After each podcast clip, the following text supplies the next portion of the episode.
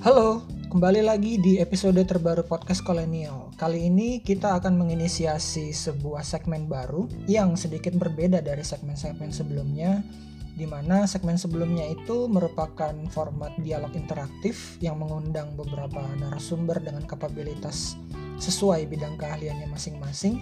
Sementara di segmen terbaru ini kita akan bermonolog sehingga judulnya saja menjadi monolog session. Selain itu, bila segmen-segmen sebelumnya lebih banyak berkutat e, membahas isu-isu nasional hingga regional, maka monolog session ini akan dikhususkan untuk mengulas segala ragam politik, e, dinamika sosial, serta ragam kebijakan publik yang berlangsung di wilayah Provinsi Sumatera Utara.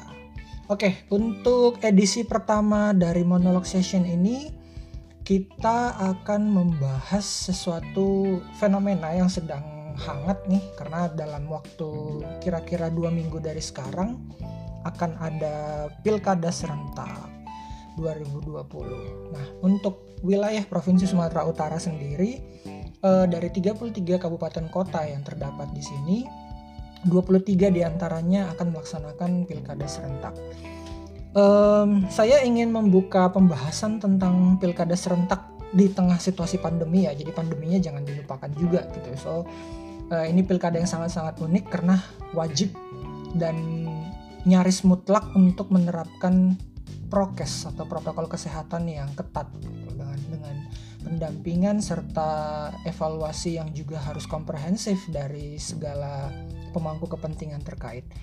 Nah, eh, yang pertama adalah ada satu fakta yang menarik dari pernyataan Dewan Kehormatan Penyelenggara Pemilu di mana mereka mengeluarkan rilis yang menunjukkan bahwa terdapat 512 laporan Pilkada serentak 2020. Nah, provinsi yang paling tinggi dan paling banyak jumlah laporannya justru adalah Sumatera Utara. Begitu juga amar putusan yang menghasilkan sanksi terhadap calon kepala daerah ataupun kepada tim kampanye ataupun pihak-pihak yang terkait lainnya itu juga tertinggi di, di Sumatera Utara gitu. So ini uh, seakan menjustifikasi serta uh, melanjutkan kebiasaan dalam tanda kutip uh, hel apa hajatan demokrasi di Sumatera Utara dari tahun ke tahun yang senantiasa tidak lepas dari konflik baik itu konflik komunal, konflik individual maupun uh, konflik yang berbau suku, agama dan ras seperti itu. Kemudian yang kedua, uh, saya ingin mengulik hasil riset dari Lembaga Negara Institute. Uh, hasil risetnya menyatakan bahwa total terdapat 124 calon kepala daerah yang terkait dinasti politik pada tahun 2020. Uh, rinciannya dari 124 calon itu adalah uh, ada 50 calon bupati, 30 calon wakil bupati, 20 calon wali kota, 8 calon wakil wali kota, 5 calon gubernur, kemudian 4 calon wakil gubernur, dan bila di pecah lagi menjadi dikotomi gender, maka dari 124 calon di seluruh Indonesia yang menyelenggarakan pilkada serentak ini terdapat 67 laki-laki dan 57 perempuan.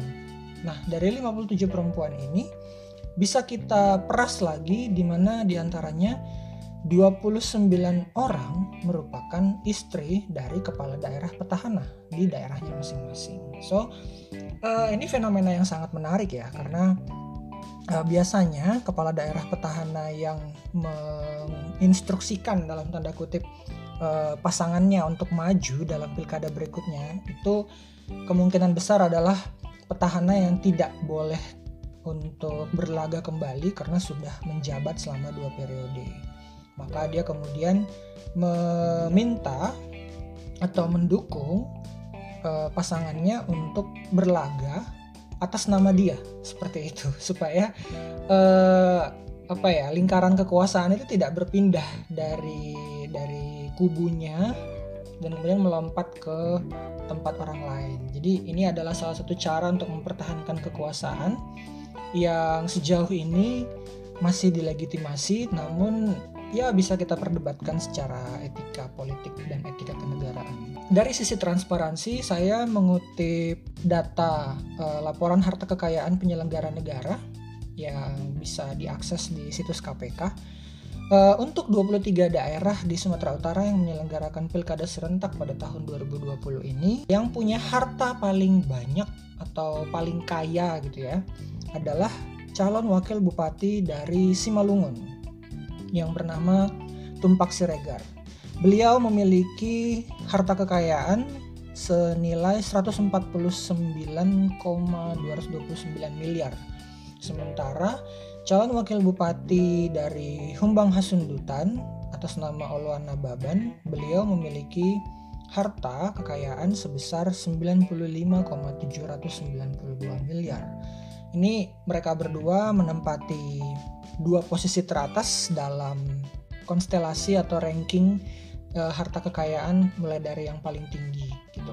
Kemudian di bagian bawah di deretan calon kepala daerah dan calon wakil kepala daerah yang memiliki harta paling sedikit itu terdapat nama um, yang paling kecil itu adalah calon wakil bupati di Nias atas nama Asaldin Gea harta kekayaan beliau sebesar 50,268 juta rupiah. Sementara yang kedua adalah uh, calon wakil wali kota Tanjung Balai atas nama Waris dengan harta kekayaan sebesar 94 juta rupiah. Kemudian menyusul di atasnya dua uh, kontestan di Kabupaten Karo. Yang pertama adalah uh, calon wakil Bupati Karo atas nama Agen Morgan Purba dengan harta kekayaan 201,500 juta. Kemudian calon Bupati Karo atas nama Cuaca Bangun dengan nilai kekayaan 386,300 juta rupiah. So ini menarik ya. Rentangnya itu dari uh, hampir 150 miliar yang paling tinggi ke 50 juta di posisi paling rendah. Kalau menilik data faktual, yang ditemukan selama setidaknya satu dasawarsa terakhir, biaya pilkada secara umum adalah di rentang 35 sampai 40 miliar. Tidak jarang juga ada yang jauh di bawah atau justru uh, bisa dua kali lipat atau tiga kali lipat lebih tinggi daripada rentang yang sudah saya sebutkan tadi gitu. Jadi tergantung dinamika dan gimana strategi kampanye masing-masing calon yang disesuaikan dengan uh, demografi dan topografi daerah tempat mereka berlaga seperti itu. Catatan uh, Mas Yos Kenawas ini adalah akademisi uh, kandidat doktoral di Northwestern University yang memang meneliti secara khusus tentang praktik politik dinasti.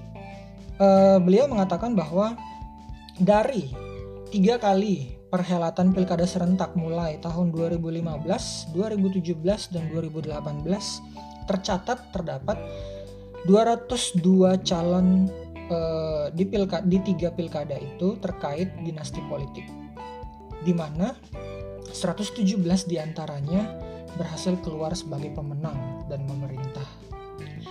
Yang juga penting untuk kita kulik berikutnya adalah uh, tentang satu partai nih yang baru memilih ketua DPD provinsi untuk skala Sumatera Utara ya.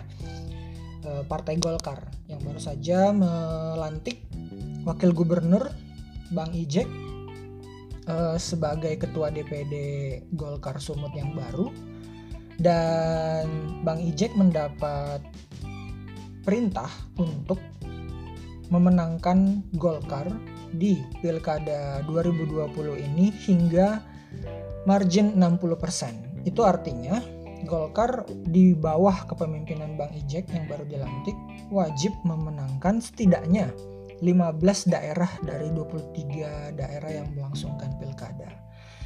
Di antaranya tentu saja eh, pasangan Bobi Nasution dan Aulia Rahman di eh, pemilihan wali kota Medan. Yang kedua, Bang Ijek mendapat perintah untuk mengamankan hingga 6 kursi Dewan Perwakilan Rakyat untuk pemilihan legislatif tahun 2024 nanti. Beliau memiliki waktu sekitar ya lebih kurang tiga tahun hingga tiga setengah tahun untuk melakukan konsolidasi dan ujian pertamanya memang dimulai nanti tanggal 9 Desember ini gitu. Bagaimana apakah eh, target kuantitatif 15 daerah atau 60% dari total keseluruhan daerah di Sumut yang melakukan pilkada dapat direngkuh oleh Golkar Sumut? Atau justru jauh di bawah atau nyaris mendekati target? Dan berapapun nanti angka yang muncul di akhir itulah yang menjadi modal awal bagi Bang Ijek untuk uh, menentukan atau memformulasikan strategi konsolidasi berikutnya dalam waktu lebih kurang 3 hingga tiga setengah tahun ke depan ini gitu. Nah, secara spesifik saya ingin uh, mengupas beberapa calon kepala daerah. Um, yang pertama itu adalah calon bupati di Kabupaten Pak Pak Barat uh, atas nama Frank Bernhard Tumanggor. Uh, orang tua beliau adalah mantan Bupati Dairi dua periode, Pak Master Parulian Tumanggor, yang menjabat mulai tahun 1999 ya 98 atau 99 hingga uh, 2008 ya dilantiknya 2009 gitu. Uh, penggantinya. Lalu uh, saya mendapat kesan bahwa Frank maju di pilkada tahun ini untuk mengusung sebuah misi uh, yang sebenarnya positif ya untuk pembangunan Pak Pak Barat bagaimanapun juga uh, papa beliau Pak MP Tumanggor adalah bupati yang sangat berjasa untuk memekarkan Kabupaten Pak Pak Barat dari uh, pangkuan Kabupaten Dairi. Jadi uh, beliau memegang peranan yang amat vital dan sangat besar dalam proses pemekaran ini. Gitu. So uh, saya menganggap sangat wajar bila anaknya yang sebenarnya tahun lalu sudah menjadi anggota legislatif uh, kemudian memutuskan untuk berlaga di ranah eksekutif tahun ini demi menjalankan uh, satu atau beberapa misi untuk membangun Pak-Pak Barat gitu agar tidak semakin tertinggal. Uh, yang kedua, saya ingin mengkritisi karena tadi sudah banyak bahas dinasti politik ya. Jadi saya ingin mengkritisi bagaimana praktik politik dinasti ini terasa terutama di tiga daerah Pilkada Binjai di mana Ibu Hajah Andriani Lisa Andriani Lubis yang merupakan istri dari wali kota petahana maju di sana. Kemudian yang kedua tentu saja eh, Bobi Nasution yang berlaga di Medan selaku menantu dari Presiden Joko Widodo. Dan yang terakhir adalah yang ingin saya kulik adalah Pak Anton Ahmad Saragish di Pilkada Kabupaten Simalungun yang merupakan saudara kandung dari Bupati Petahana eh, Pak JR Saragih gitu. Saya menitik beratkan pada tiga individu ini berhubung Simalungun akan memegang peranan yang cukup vital dalam proyek-proyek pembangunan terutama infrastruktur dan pariwisata ya. Uh, dalam kaitannya dengan Geopark dan Toba juga. Setidaknya hingga periode kepemimpinan Pak Jokowi berakhir dan nanti transisi pasca 2024 jadi Simalungun adalah salah satu daerah yang memang akan mengokupasi atau mengkooptasi uh, posisi yang cukup vital dan strategis dalam dua uh, bidang ini. Kemudian yang berikutnya di Medan tentu saja uh, ada harapan untuk mengeluarkan kota Medan, terutama birokrasinya ya, dari jebakan uh, korupsi. Seakan-akan kota Medan itu kini citranya tereduksi atau terdegradasi menjadi kota yang memegang rekor dalam kepala daerahnya yang bergiliran atau menjadi langganan dan pesakitan di ranah uh, anti rasuah gitu atau ranah korupsi pembangunan. So ada harapan yang cukup tinggi disematkan kepada siapa pun yang nanti memenangi kontestasi pilkada pada 9 Desember mendatang. Apalagi ketika seorang menantu presiden memutuskan berlaga di kota kelahirannya suasana kebaruan dan semangat untuk keluar dari lumpur anti korupsi itu membuncah dan disematkan di pundak beliau gitu. Jadi kita lihat saja apakah anak muda ini bisa melaksanakan segala amanah yang disematkan padanya tapi sebelumnya tentu dia harus memastikan dulu apakah dia mampu menang dan mengalahkan uh, lawannya Pak Ahyar Nasution yang notabene adalah petahana. Terakhir Bu Lisa Andriani Lubis sebetulnya lebih ke mengkonfirmasi temuan dari Nagara Institute tadi ya. Jadi uh, bagaimana dalam konteks pembangunan yang semakin berkonsep city manager seperti konsep Jabodetabek, kemudian uh, ada Bandung Raya, ada Greater Surabaya gitu, ada Surabaya Raya. Nah di Medan mungkin kita bisa berandai-andai ada konsep uh, Greater Medan gitu. Nah Greater Medan berarti melingkupi daerah Mebidang, Medan, Binjai dan Deli Serdang gitu. So Binjai merupakan salah satu elemen penting dalam konsep ini dan dengan segala keterkaitannya dalam hal transportasi, kemudian perhubungan, kemudian ekonomi, dan ya macam-macam lagi yang lainnya ber, e, berkat kedekatan daerah geografisnya dengan kota Medan dan dengan Deli Serdang. So dinamika atau tarik ulur e, keseharian itu tentu tidak bisa dinihilkan. Gitu. Bagaimana Medan ya sedikit banyak akan terdampak kepada Binjai begitu juga ke Deli Serdang. So siapa pun yang memimpin Binjai pada nanti uh, pada saatnya nanti penting juga ya dalam kaitan dalam konsep Greater Medan ini. Sampai berjumpa di episode selanjutnya. Bye.